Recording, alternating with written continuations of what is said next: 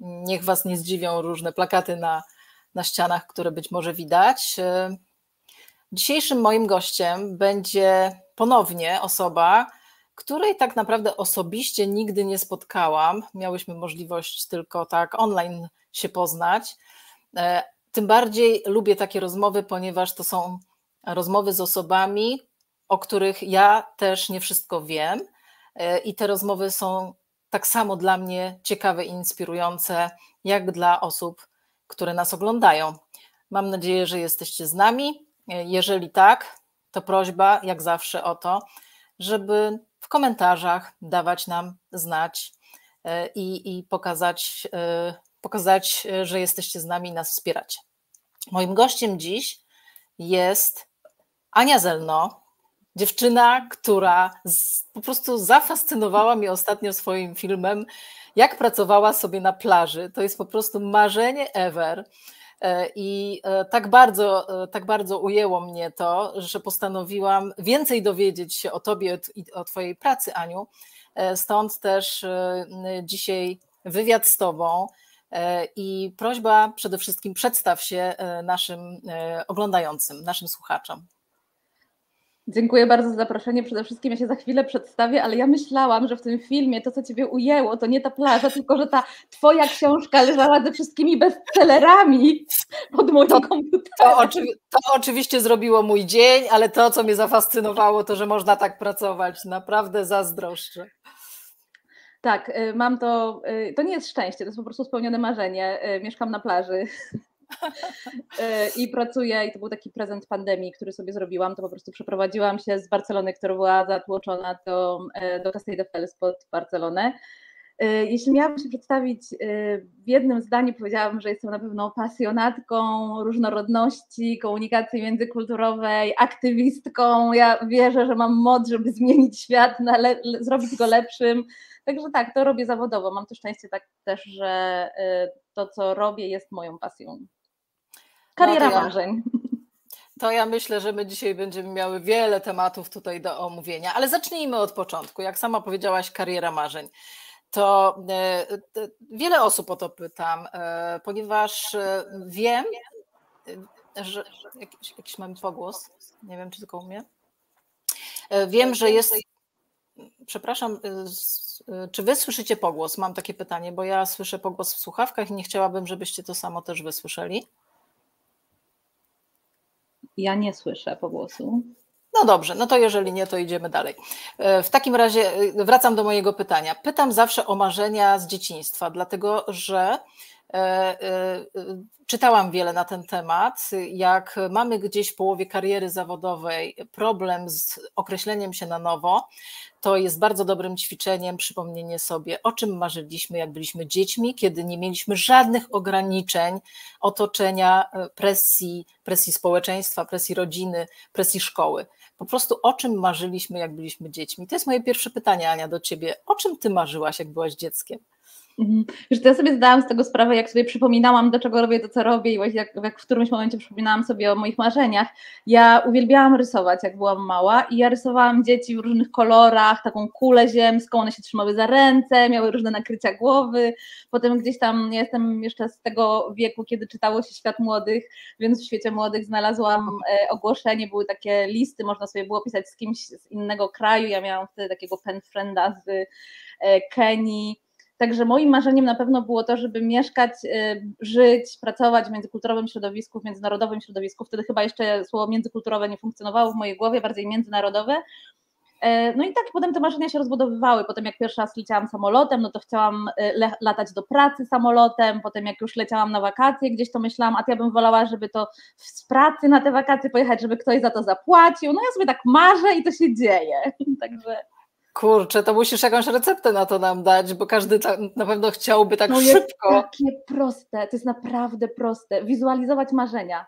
To, że ja mieszkam dzisiaj na plaży, to dlatego, że w czasie pandemii, po pierwszym miesiącu, jak ona się zaczęła, ja sobie wyobraziłam, że zamknęłam oczy, oczywiście posłuchałam całej wizualizacji, zobaczyłam siebie w ogromnym domu z wyjściem zaraz na plażę i wtedy ten pan powiedział, no to jak jeszcze nie możesz mieć tego, co byś chciała mieć, to spróbuj coś w połowie drogi mieć. No to wtedy ja się przeniosłam z tego ogromnego domu z wejściem bezpośrednio na plażę do to, żebym ja tą plażę chociaż widziała. No i przeniosłam się do apartamentu tarasem, z widokiem na morze. Także tylko wizualizować.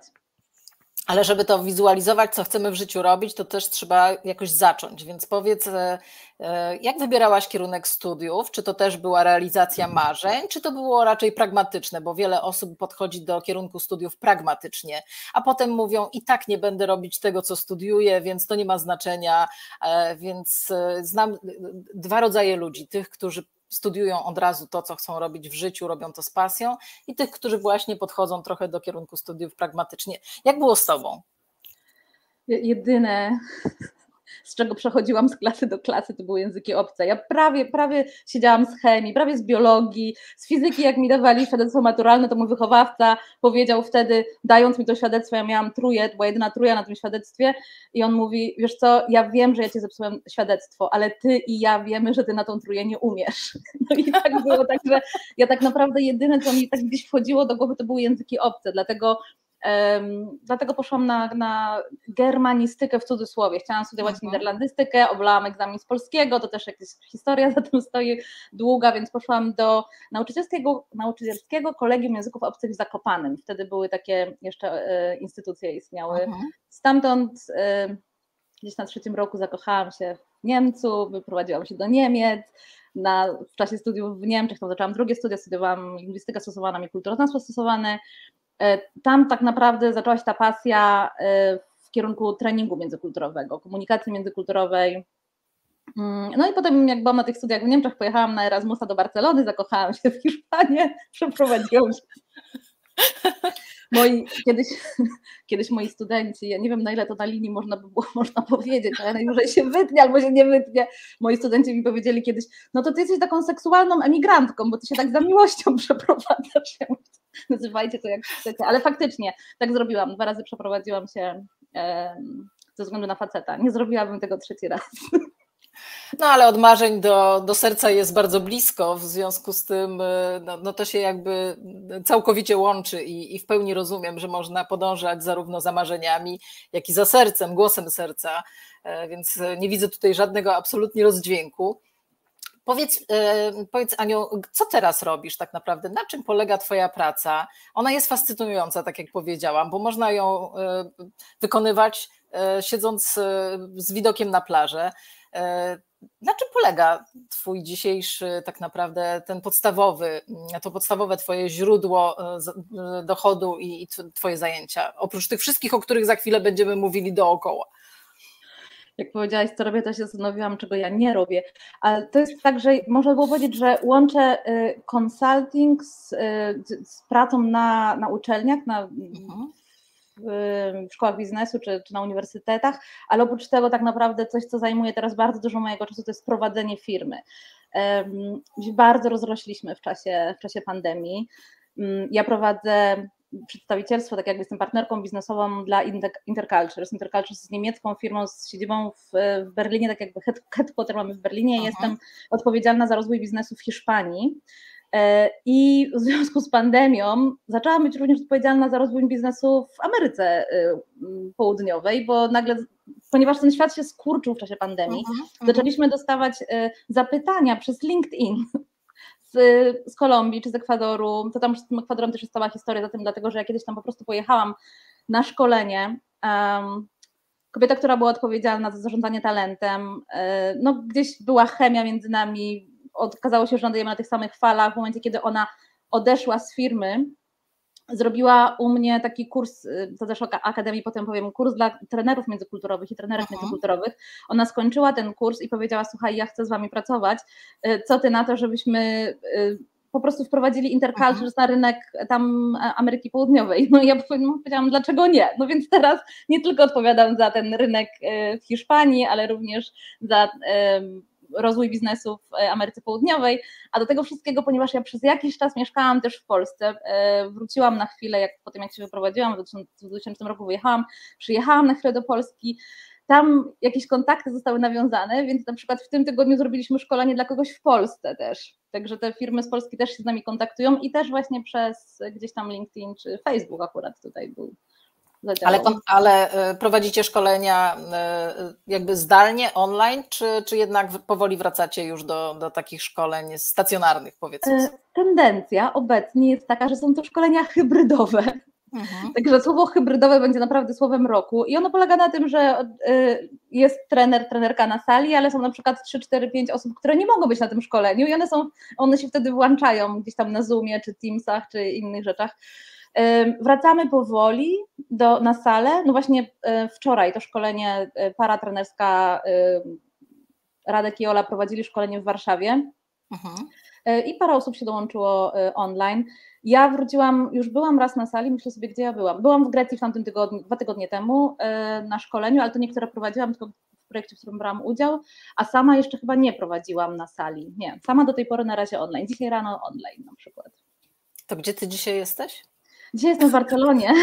Dzisiaj jestem w Barcelonie, także nie zobaczycie żadnego widoku na morze. E, jestem w tej chwili u mojej przyjaciółki, to rano wjeżdżam do Walencji na tydzień i będę u klienta osobiście w biurze. To jest też taki klient, który chce się spotkać.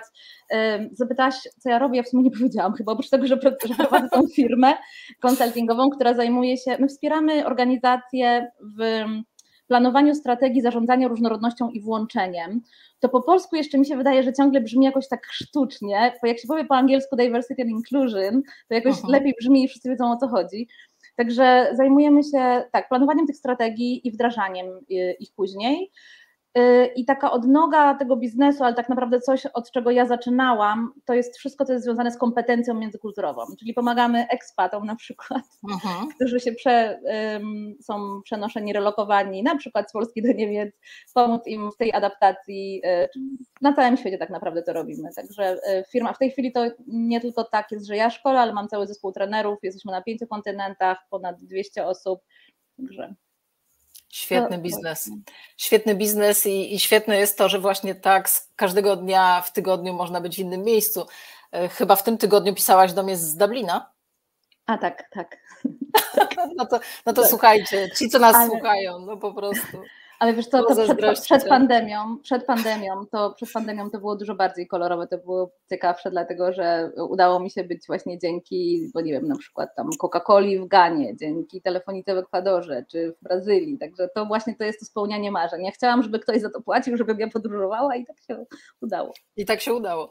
To powiedz mi, jak powstał pomysł na tą, w ogóle na tą komunikację międzykulturową, na tą hmm. różnorodność?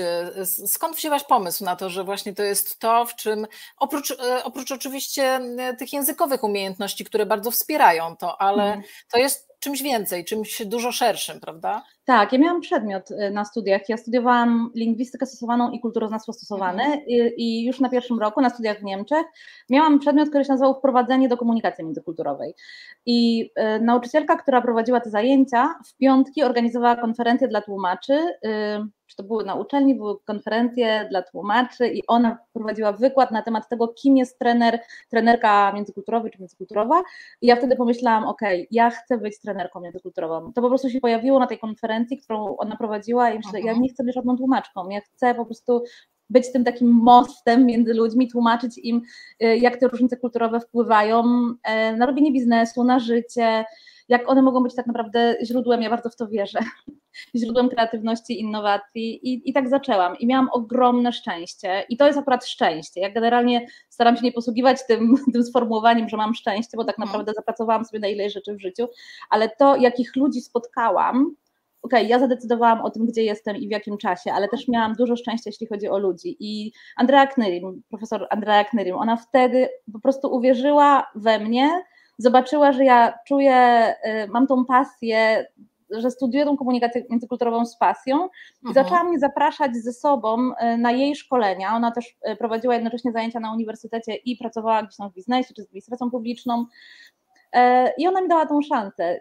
Potem miałam okazję być asystentką profesora, który był e, profesorem od komunikacji międzykulturowej, także zaczęłam to studiować, tą komunikację tak naprawdę też z tej strony bardziej e, od akademii, tak, że nie tylko mhm, praktycznej, ale tak naprawdę tak, takie literatura cała, która badania, które za tym stoją. Także tak się zaczęło. To zaczęło się od studiów. Ja zawsze mówię, że mam taką tą solidną bazę teoretyczną, plus do tego życie i, i doświadczenia życiowe. Ale tak, studiowałam komunikację międzykulturową. Prowadzisz firmę, powiedz, e, e, rozumiem, że jesteś jakby partnerem e, większej organizacji, ale no to, to wymaga założenia firmy, poprowadzenia jej, zorganizowania. I oczywiście to jest już taki twardy biznes, nie? No bo przedmiotem działalności jest coś, co kochasz, co jest Twoją pasją, a tu jest taka twarda rzeczywistość, że trzeba jeszcze być przedsiębiorcą i, i, i to jakoś zorganizować, ogarnąć wszystko, bądź też zdelegować. E, pytanie, e, jak to u Ciebie było na początku? Powiedz, jak zaczynałaś? Czy, czy było trudno? Co było największym wyzwaniem? Było bardzo trudno. Było bardzo trudno. Najtrudniej, najtrudniejsze było to, że ja zaczynałam w Hiszpanii, w kraju, który nie jest moim krajem, w którym byłam emigrantką z Europy Wschodniej. Też fakt, że to jest kultura bardzo zorientowana na relacje. Ja tych relacji nie miałam, po prostu nie znałam ludzi w mhm, firmach. Ja nie mhm. wiedziałam e, do kogo uderzyć, gdzie szukać klientów e, i tak dalej. Nawet jeśli miałam ze sobą silny brand, bo ja dlatego też, szczerze mówiąc, związałam się z Intercultures, to, to jest tak, że ja nie jestem na etacie, jestem partnerką biznesową tak, dla, dla, mhm. dla właściciela firmy. Um, um, no, miałam ten brand, ale mimo wszystko jest to kultura zorientowana na relacje, czyli trzeba kogoś znać, żeby ktoś w ogóle zaprosił cię mhm. do rozmowy, na lunch, na kawę, żeby porozmawiać. Także ja po prostu bywałam na wszystkich konferencjach, na każdej konferencji byłam pierwszą osobą, która wstawała i zadawała pytanie i mówiła, dzień dobry, jestem Anna Zelno z Intercultures, mam takie pytanie i wtedy się mądrzyłam przez te pierwsze mhm. mhm. sekundy i zwracałam na siebie uwagę. No i potem też e, na pewno LinkedIn bardzo pomógł też w pozycjonowaniu marki, marki osobistej, marki firmy, Aha. Mhm. a potem to już poszło jakoś tak um, z polecenia. Jak zaczęły się pierwsze zlecenia, pierwsze szkolenia, to już później, no potem się to potoczyło jakoś. Y, najtrudniej chyba było też, najtrudniejsze było to, że jeśli prowadzisz biznes jako jednoosobowa działalność gospodarcza na początku i jesteś sama, jesteś takim człowiekiem orkiestrą wszystkiego. i nie masz mhm. back office'u, to to było straszne na początku. W tej chwili na szczęście mam cudowny zespół. Y, ja jestem po prostu zakochana w nich. Są świetne dziewczyny, tylko dziewczyny jak na razie, chociaż teraz przyjmujemy praktykanta, więc zobaczymy, jak to. Jak sobie, jak, sobie, jak sobie poradzi, jak sobie poradzi z wami. Tak, także teraz już nie jestem sama, ale kiedyś y, byłam sama. E, wspomniałaś o mm, relacjach, o takim networkingu, ale też o wykorzystaniu mm, mediów społecznościowych, chociażby jak LinkedIn. On jest oczywiście bardziej biznesowy niż Facebook czy, czy Instagram, e, ale e, ja wszystkim dookoła doradzam, że dzisiaj trzeba być w sieci, dzisiaj trzeba być e, tą marką rozpoznawalną i nad tym swoim e, osobistym brandem też trzeba pracować. E, I znam wielu oponentów, wiele osób, które mówią, że, że im to nie pasuje, że jest to wciąż nazywane trochę ekshibicjonizmem, że tam się odkrywamy, a po co? To jest nasze prywatne życie, nawet jeśli ono jest zawodowe, to nie musimy się z tym odkrywać. E, I poruszyłaś bardzo ważny, ważny aspekt, że chociażby w, w takich e, kręgach, w których ty się obracasz ze swoim biznesem, jest to niezwykle ważne dla pozyskiwania e, klientów i dla, dla pozycjonowania firmy, w której się pracuje, bo to robiąc sobie markę, robimy też markę firmie, dla której pracujemy albo firmie, którą prowadzimy. Ale powiedz, e, jak zdobywasz, swoich klientów, e, czy, czy, obecnie po tej pandemii, po, po tym roku trochę zamknięcia nas, czy już w tej chwili przekierowaliście się tylko i wyłącznie na pozyskiwanie klientów tak trochę online, czy wracacie do tej relacyjności, do tych spotkań, do, do, do takich kontaktów personalnych, już takich face to face? Mm, wiesz to teraz powoli wracamy. Y, ja dlatego też jadę jutro do Walencji, spędzę tam cały tydzień po to, żeby być. Ja pracuję z taką dużą kancelarią adwokacką. W Hiszpanii E, każda firma, która ma więcej niż 150 osób, musi mieć tak zwany plan, to się nazywa plan de igualdad, czyli taki plan równościowy, włączenie, uh mhm, -huh, równościowy uh mhm. -huh. można powiedzieć. Także to jest taki imperatyw legalny, więc e, to jest też dla mnie takie dobre wejście do biznesu, pozyskanie klientów, klientów dlatego że to, co my robimy, to my upgrade'ujemy te plany, które są tylko zorientowane na różnice genderowe, na ten e, na mhm. przykład salary gap, bo to o to też chodzi, że trzeba robić audyty w tej chwili, pokazać dlaczego, jeśli kobiety zarabiają mniej, to dlaczego i tak dalej. My do tego do, dodajemy wszystkie inne wymiary różnorodności i dzięki nim e, wchodzimy do ich klientów. Także dla mnie też jest bardzo ważne spędzenie z nimi, być e, w ich biurach, chodzić z nimi mhm. na lunche, spędzić z nimi czas, żeby pomyśleć, do kogo teraz złożyć ofertę i tak dalej. Chociaż w tej chwili jesteśmy na takim etapie, że y, nie możemy pozyskiwać nowych klientów, ponieważ mamy tyle projektów, które musimy po prostu dostarczyć, że teraz jest koncentracja na tym, żeby jak najlepiej y, te, te projekty dostarczyć. No i też chodzi o to, że um, ja mam kilku klientów, w których jestem całkowicie zakochana i wiem, że oni są zakochani w nas, bo my po prostu na spotkaniach czasami mieliśmy w tej pandemii takie, takie sytuacje, że były cztery osoby, i prawie wszyscy mieli łzy w oczach, bo się okazało, że my dokładnie tego samego chcemy, te same wartości za tym mm. stoją. I to było tak cudowne, no i w tej chwili oni po prostu nam dają więcej pracy, więcej, mm, więcej zleceń, to są, to są duże, duże brandy, duże, duże klienci, także i oni też nas polecają dalej, także to szukanie gdzieś klientów się trochę skończyło. E, ale mimo wszystko jesteśmy przez cały czas, ja jestem bardzo aktywna na LinkedInie, uwielbiam LinkedIn i tutaj dla tych, którzy ciągle się zastanawiają, czy to jest ekshibicjonizm, czy nie, to nie chodzi o to, żeby wrzucić zdjęcie ze śniadania, tylko żeby wrzucić po prostu artykuł, który przeczytałaś albo przeczytałeś i w ten sposób dodajesz wartości. Zresztą ty też piszesz o tym świetnie w swojej książce, w jaki sposób e, budować tą markę na przykład na LinkedInie, dzieląc się informacją. I, i to Dokładnie, bo, bo, bo niektóre osoby mają też takie opory, że ja nie jestem dziennikarzem, nie potrafię pisać swoich treści. E, e, czasami obawiają się śmieszności, że to, co napiszą, ktoś skrytykuje albo zakwestionuje. I ja zawsze takim osobom radzę, żeby wtedy nie pisały nic od siebie, tylko zaczęły od szerowania, to znaczy od udostępniania treści, które je interesują, bo to z jednej strony pokazują, czym ty się interesujesz, skoro to czytasz i to udostępniasz, to znaczy, że to jest jakieś spektrum twoich zainteresowań, mm. co już cię w jakiś sposób pozycjonuje, w czym chcesz być bądź jesteś ekspertem, mm. a to nie wymaga wtedy już takiej, takiego zaangażowania i, i, i siedzenia nad tymi dwoma zdaniami, które trzeba wymyśleć, żeby one poprawnie brzmiały i żeby ktoś e, ich nie, nie obśmiał, więc radzę po prostu szerować i tyle i nawet można przytoczyć pierwsze zdanie artykułu, które, który, który, który umieszczamy. E, Dokładnie, albo ostatnie, bo tam będą jakieś konkluzje, także. Albo, ja albo ostatnie. Ja często tak robię, że robię albo streszczenie artykułu, albo właśnie coś e, zwróciło moją uwagę i kwestionuję na przykład to zdanie, albo pytam, co wy myślicie mhm. o tym, i wtedy e, tak tym się dzielę. Aniu, w, w, czasie pandemii, z tego co, co, co mówiłaś, założyłaś Academy of, for Diversity and Innovation. Powiedz nam, co to za inicjatywa, skąd ona się wzięła, co, co tam robicie, czym się zajmujecie, co to za pomysł w ogóle? E, no, zajmujemy się różnorodnością i innowacją.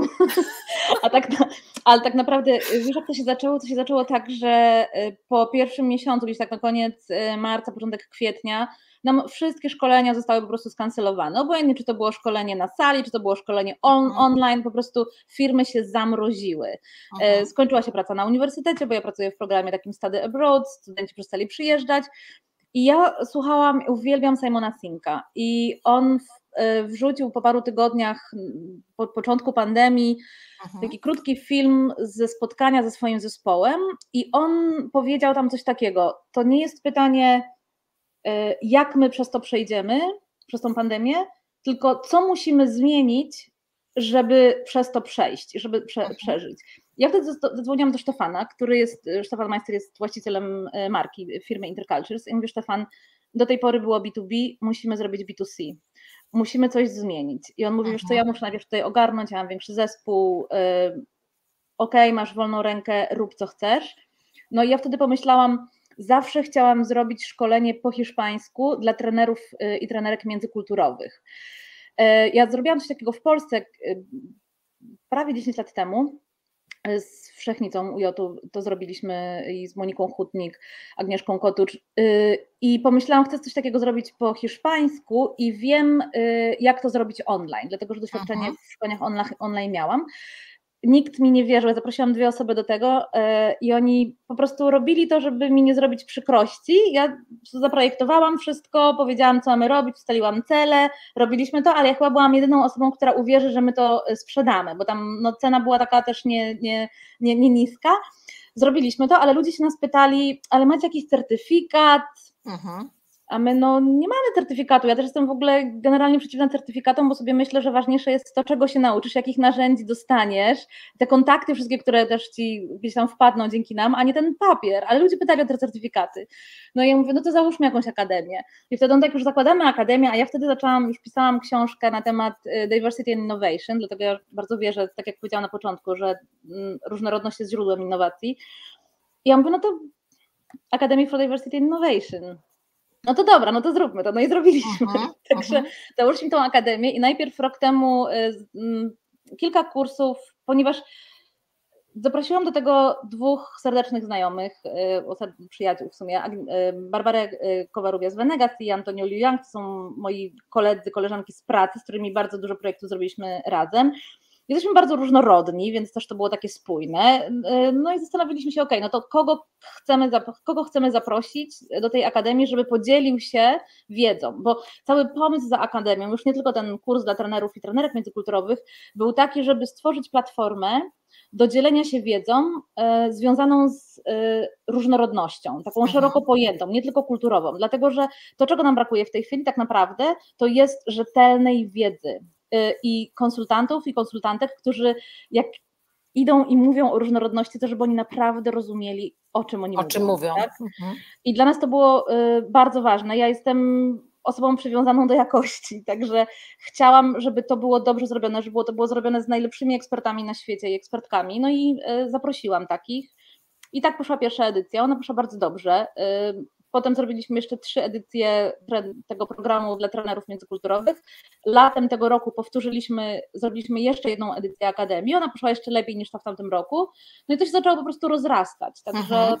Mhm. projekt rośnie, i, a cel mamy ciągle taki sam, żeby um, być tą taką platformą dla ludzi, którzy zajmują się profesjonalnie zarządzaniem różnorodnością, którzy szukają innowacyjnych rozwiązań, którzy też potrafią na tą różnorodność spojrzeć w taki bardzo holistyczny sposób, czyli nie tylko e, te różnice demograficzne, nie tylko gender, wiek, e, kulturowe różnice, ale także ta różnorodność kognitywna, e, neuro, to po prostu to będzie neurodiversity, to będzie różnorodność.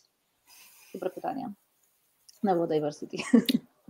Ciężko się niektóre jakby nazwy na polski przetłumacza, więc zostańmy już może przy angielskich, ale wiesz co, a powiedz mi, a z, w, w, ramach tego spektrum, tego, tej mhm. różnorodności, tego diversity, co Twoim zdaniem, bazując na Twoim y, olbrzymim doświadczeniu pracy w tym, w tym obszarze, co sprawia nam w firmach wciąż największy problem? Która ta różnorodność do zaakceptowania jest dla nas wciąż największym wyzwaniem? Jak możesz bardzo, ją nazwać? To bardzo, zależy od, to bardzo zależy od kraju. Bardzo zależy od kraju, bardzo zależy od firmy. W tamtym roku w jednej z polskich firm, gdzie byłam na spotkaniu, jedna z pań powiedziała, że byśmy tematu LGBT nie dotykali, bo to jest temat polityczny. Ja próbowałam jej powiedzieć, że to jest temat y, praw człowieka, nie temat polityczny.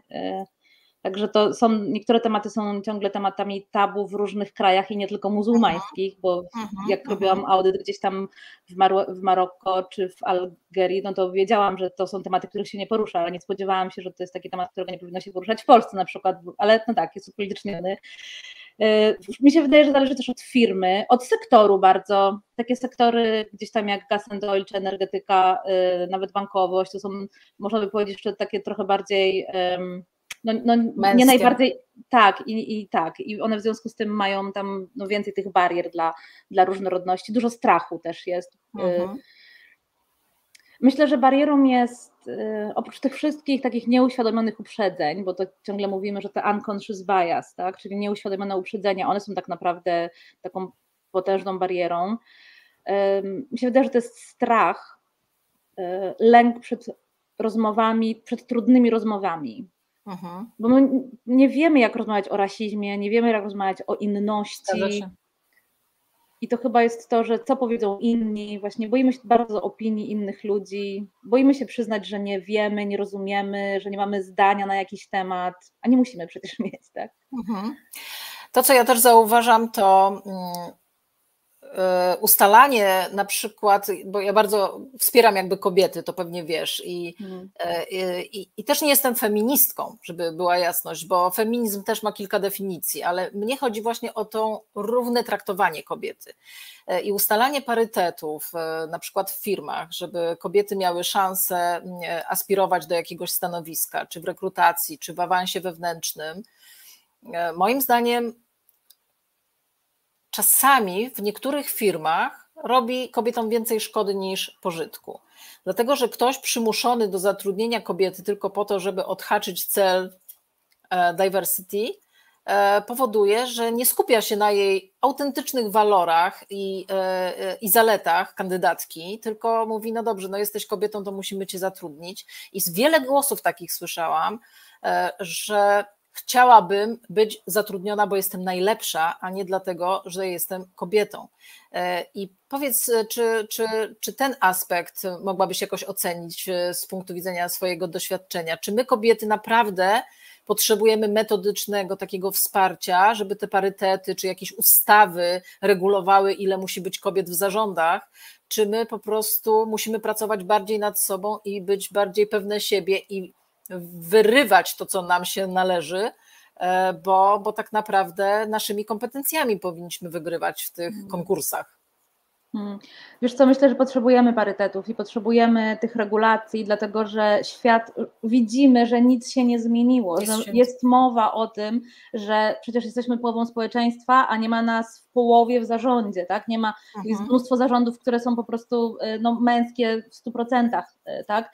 Także to, że nas tam nie ma, y, to dlatego, że sama walka nic nie. Jest nierówna, nie, jest nierówna. Tak, jest dokładnie, jest nierówna i jest też bardzo taka no nieświadoma. To, to, to pewnie y, to nie jest tak, że ktoś świadomie mówi, nie zatrudnię jej, bo jest kobietą, tak? Tylko, że inaczej będzie patrzył na twoje CV, mhm. wiesz jak to jest, że jak mhm. zatrudnia się y, mężczyzn bardzo, trudno, bardzo często zatrudnia się ze względu na ich potencjał, tak? a kobieta tak. musi udowodnić, co ona już w życiu zrobiła. I, i są badania, to jest, to jest udowodnione. Tak? Mhm. Także no, mhm. chodzi o to, żeby te szanse troszeczkę wyrównać, a, a nie startujemy z tej samej pozycji.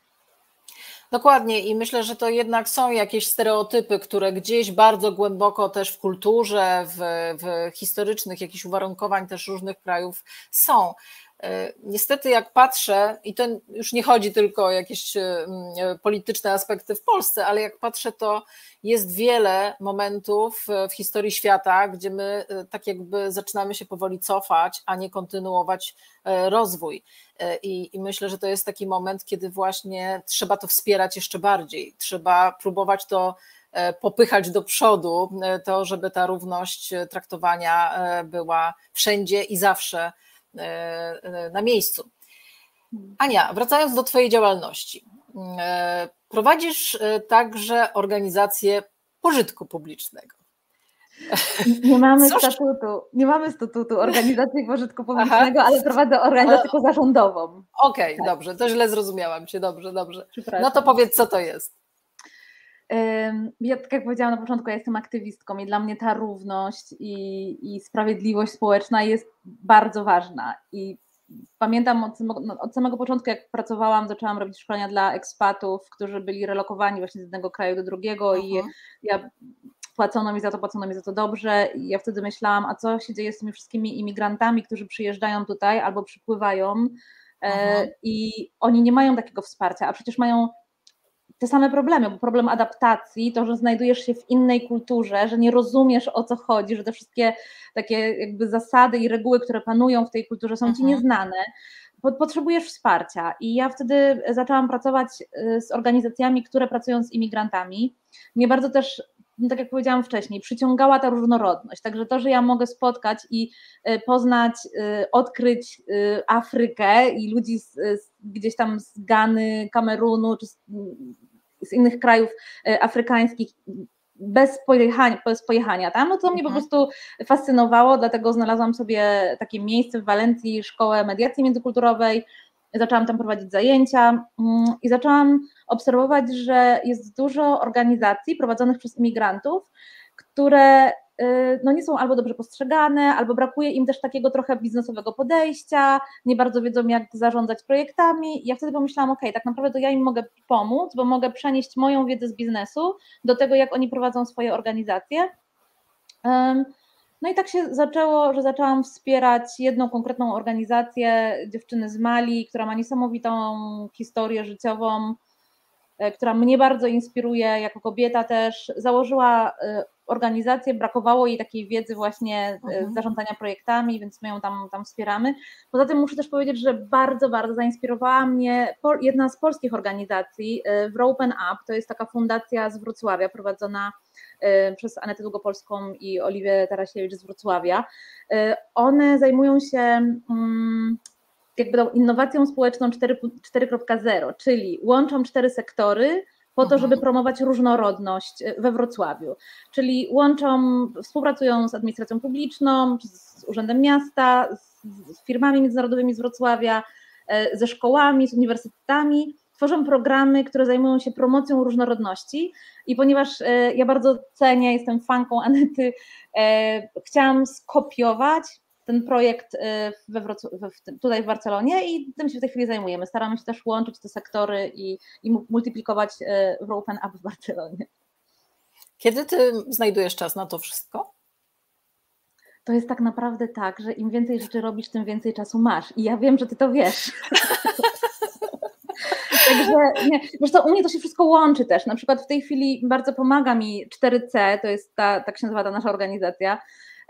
E, pomaga mi też w mojej pracy, dlatego że projekty, które teraz do nas przyszły i jest taka tendencja i będzie ich coraz więcej, duże organizacje do swoich strategii zarządzania różnorodnością i, włą i włączeniem, włączaniem dodają social justice. Tak? Mhm. Czyli po e, morderstwie George'a Floyda E, wszystkie organizacje w Stanach Zjednoczonych jakoś zareagowały, musiały się do tego ustosunkować. One mają swoje przedstawicielstwa na całym świecie, tak, więc poszły z tych e, centrali, z głównych siedzib e, mm, polecenia, tak? Zróbcie coś, zareagujcie na rasizm w waszych krajach. No i mhm. wtedy taki klient dzwoni i mówi tak, słuchaj, oni nam mówią, że mamy na rasizm zareagować, a przecież rasizmu nie ma w Hiszpanii. No to ja wtedy mówię, no słuchaj, no jest ten rasizm, zobacz jakie są dane, zobacz co się dzieje.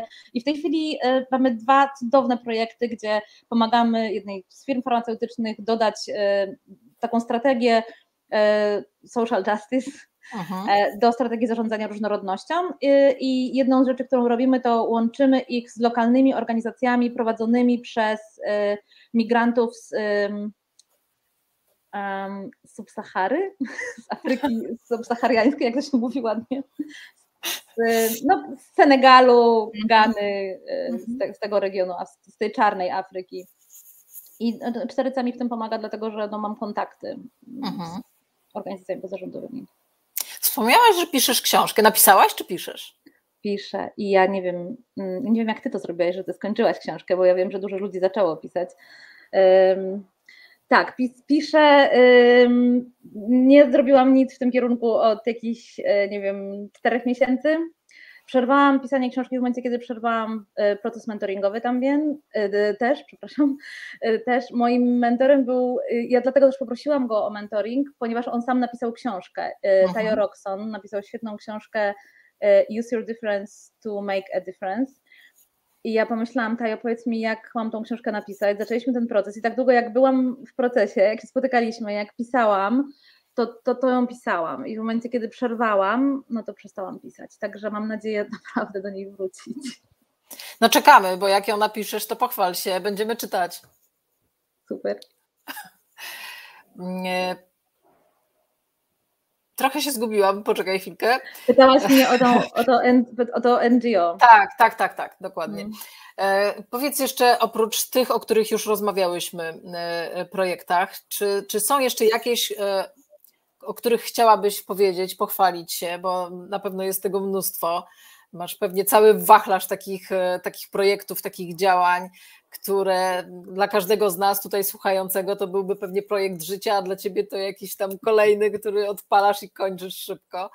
Czym chciałabyś się jeszcze z nami podzielić? Bo twoje historie są naprawdę pełne pasji tu wszyscy na komentarzach piszą, że, że taka pasja bije od ciebie. Potwierdzam, też to czuję. E, pochwal się jeszcze czymś z nami. Nie wiem, chcę się chwalić, ale chyba to, co bym chciała powiedzieć, to, że jeśli naprawdę wierzycie w to, że to wy jesteście tymi osobami, ja myślę, że jesteście, które mogą zrobić um, świat y, a better place, tak, i zrobić je lepszym światem, no to zróbcie to po prostu, bo to nie jest takie trudne. I to na przykład jak ja to robię, to właśnie mój pomysł na to, żeby świat był równiejszy, bardziej szczęśliwy, jest taki, żeby połączyć te cztery sektory, czyli połączyć administrację y, publiczną, to co robią urzędy miasta, to co robią jednostki tutaj y, mhm. samorządu terytorialnego, z tym co robi biznes, z tym co robi uczelnia, z tym co robią organizacje pozarządowe, razem tworzyć projekty, dzielić się wiedzą i żeby no, po prostu żyć razem lepiej. I to, się, to możemy zrobić. Ja bardzo wierzę w to, co powiedział Gandhi, że no bądź zmianą, którą on to ładnie powiedział po polsku, no, tego nie powiedział po polsku, ale be the change you'd like to see in the world, tak? Także no, bądźmy tą zmianą, którą my chcą widzieć, którą chcemy widzieć w świecie. E, więc tak, marzenia, moim marzeniem jest to, żeby żyć w takim świecie, więc sobie taki świat buduję. I Idealny. To nie jest takie trudne, idealne, tak. To powiedz, jakie masz plany na najbliższe tygodnie? Jakie kraje odwiedzasz teraz?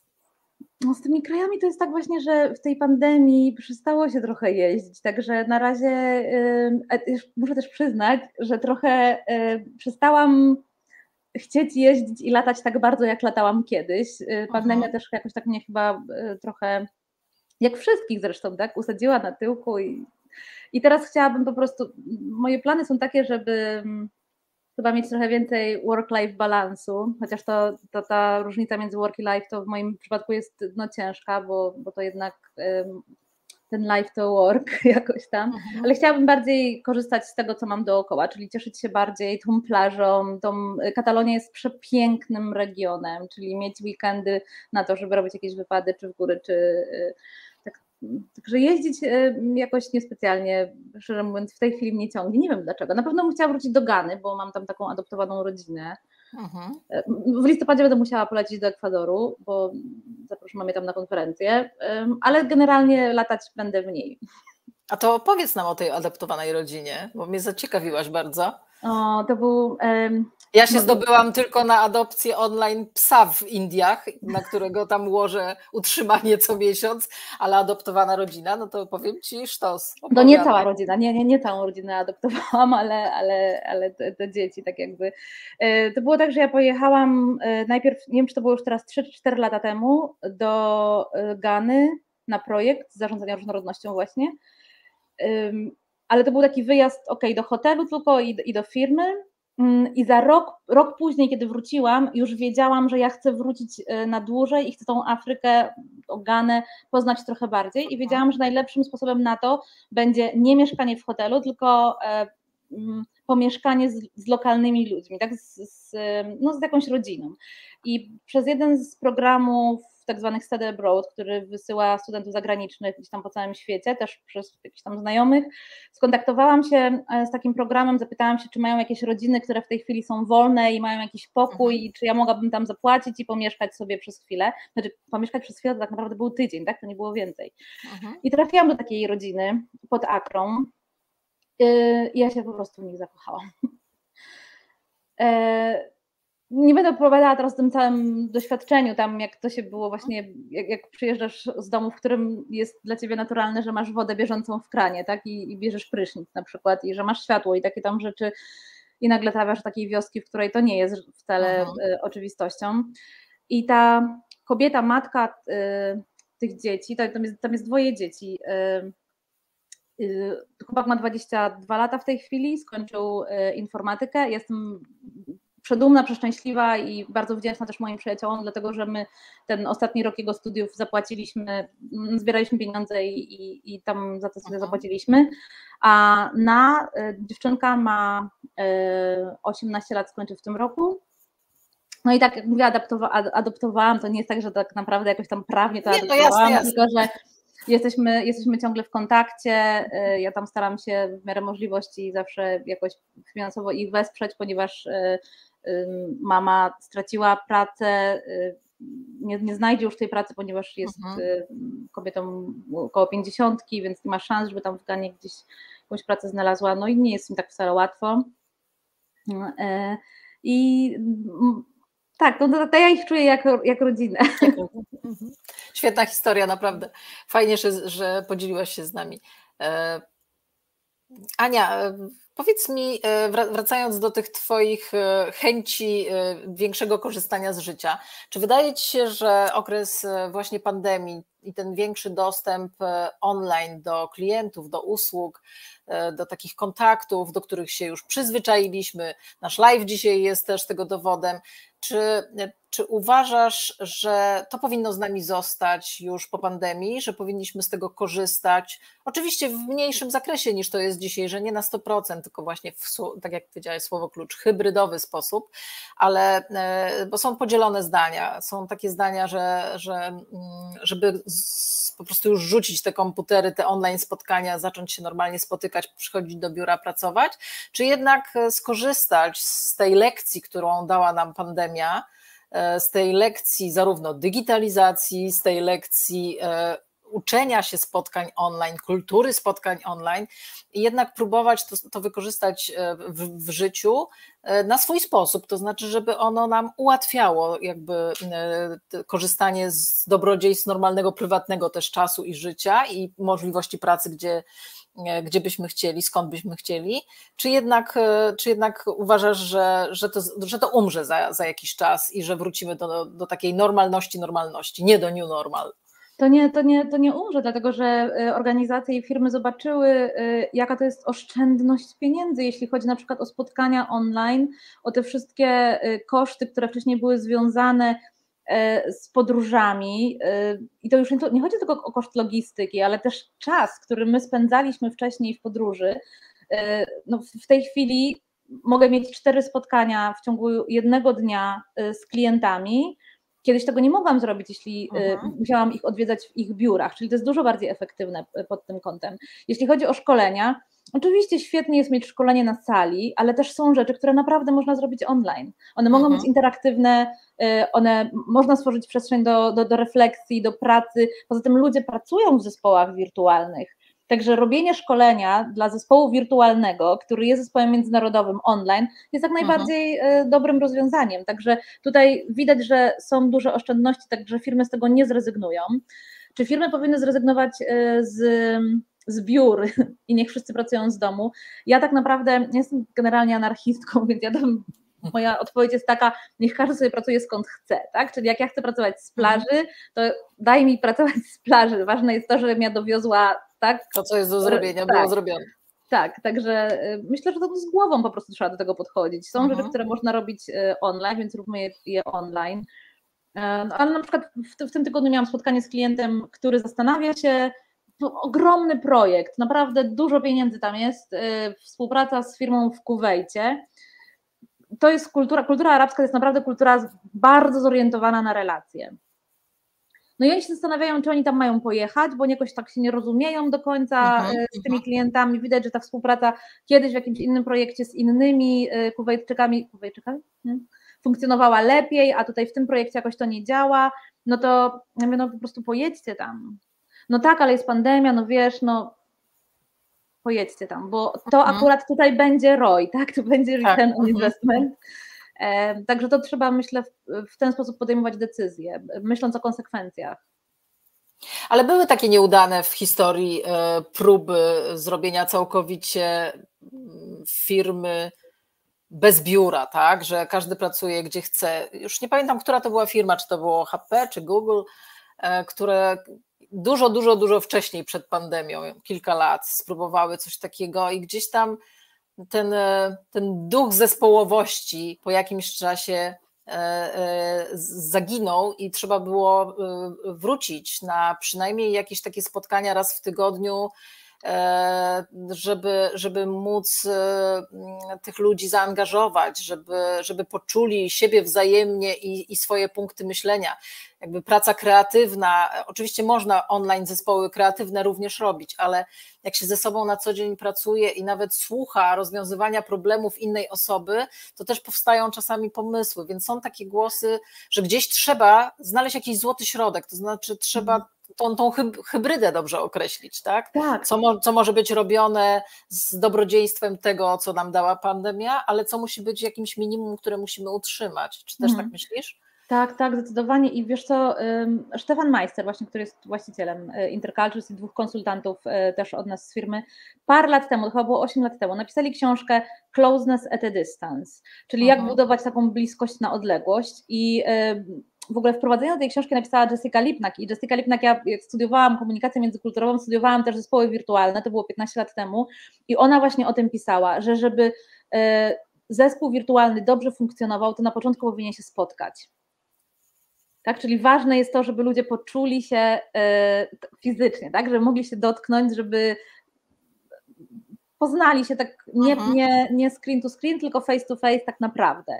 Także tak, to jest ważne i to tak się powinno dziać. Także ja polecam wszystkim zespołom wirtualnym, żeby wcześniej czy później się spotkały. No, wcześniej, nie później. Powoli z, z, zmierzamy do końca, bo kończy się moja lista pytań. Jeżeli ktoś z oglądających nas ma ochotę zadać e, Ani pytanie, to jest e, last call.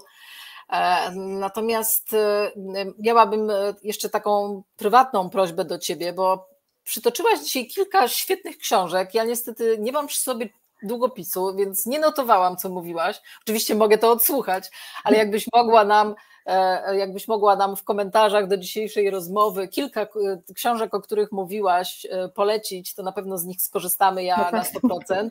Da, da, da, Lokowanie produktu.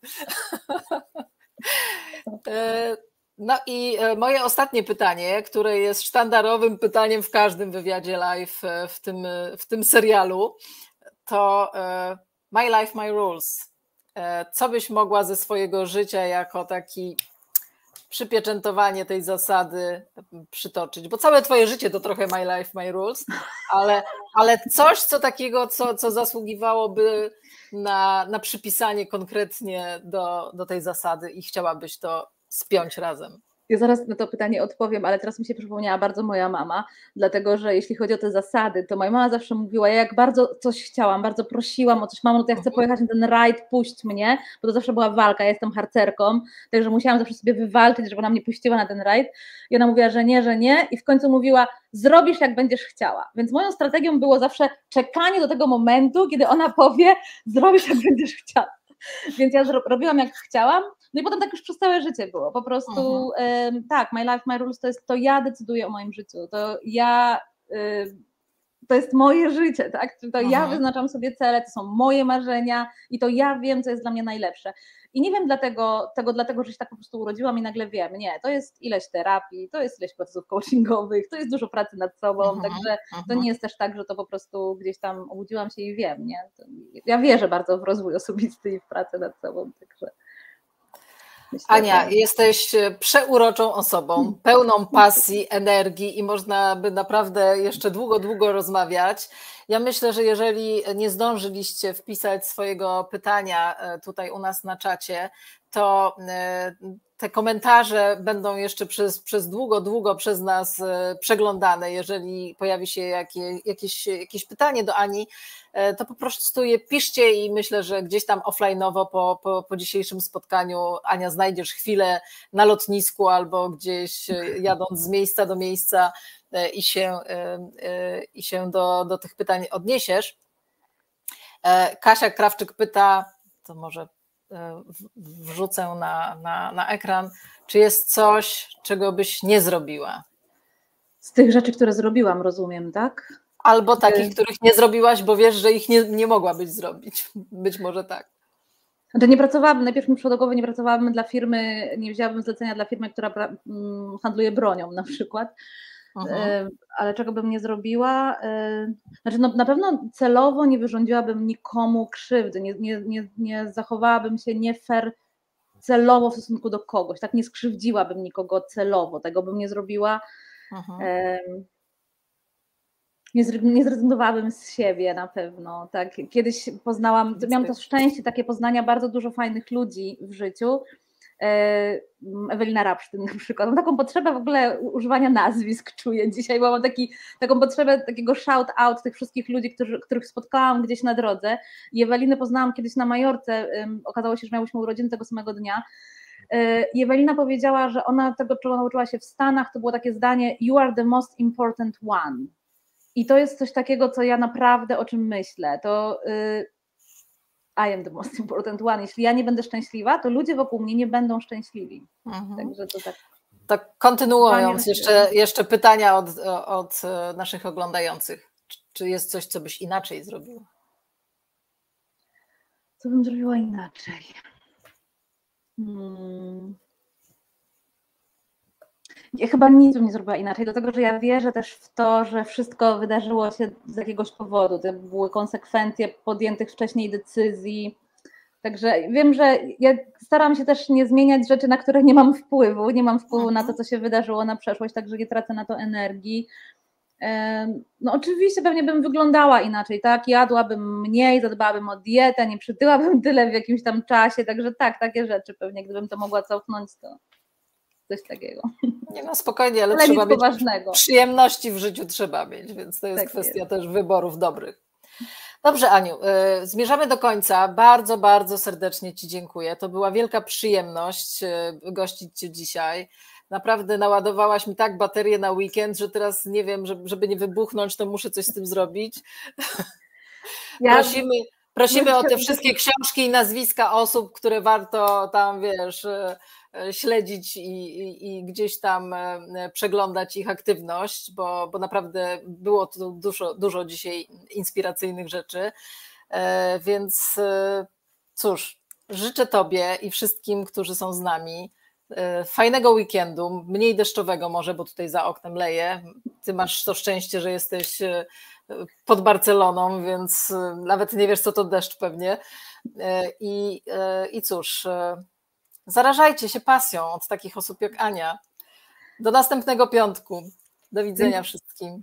Dziękuję bardzo za zaproszenie i też zapraszam do śledzenia Akademii właśnie na LinkedInie, zapisania się na newsletter, bo my tam też dzielimy się książkami i wiedzą, także na pewno to może być świetne źródło informacji. Super, zrobimy to na pewno. I Agnieszka, Trzymajcie. ja proszę o drugą książkę. Znaczy nie tą samą, tylko o kolejny tom. Dobra, zrobi się. Dziękuję. Trzymajcie się, cześć. Cześć, dzięki.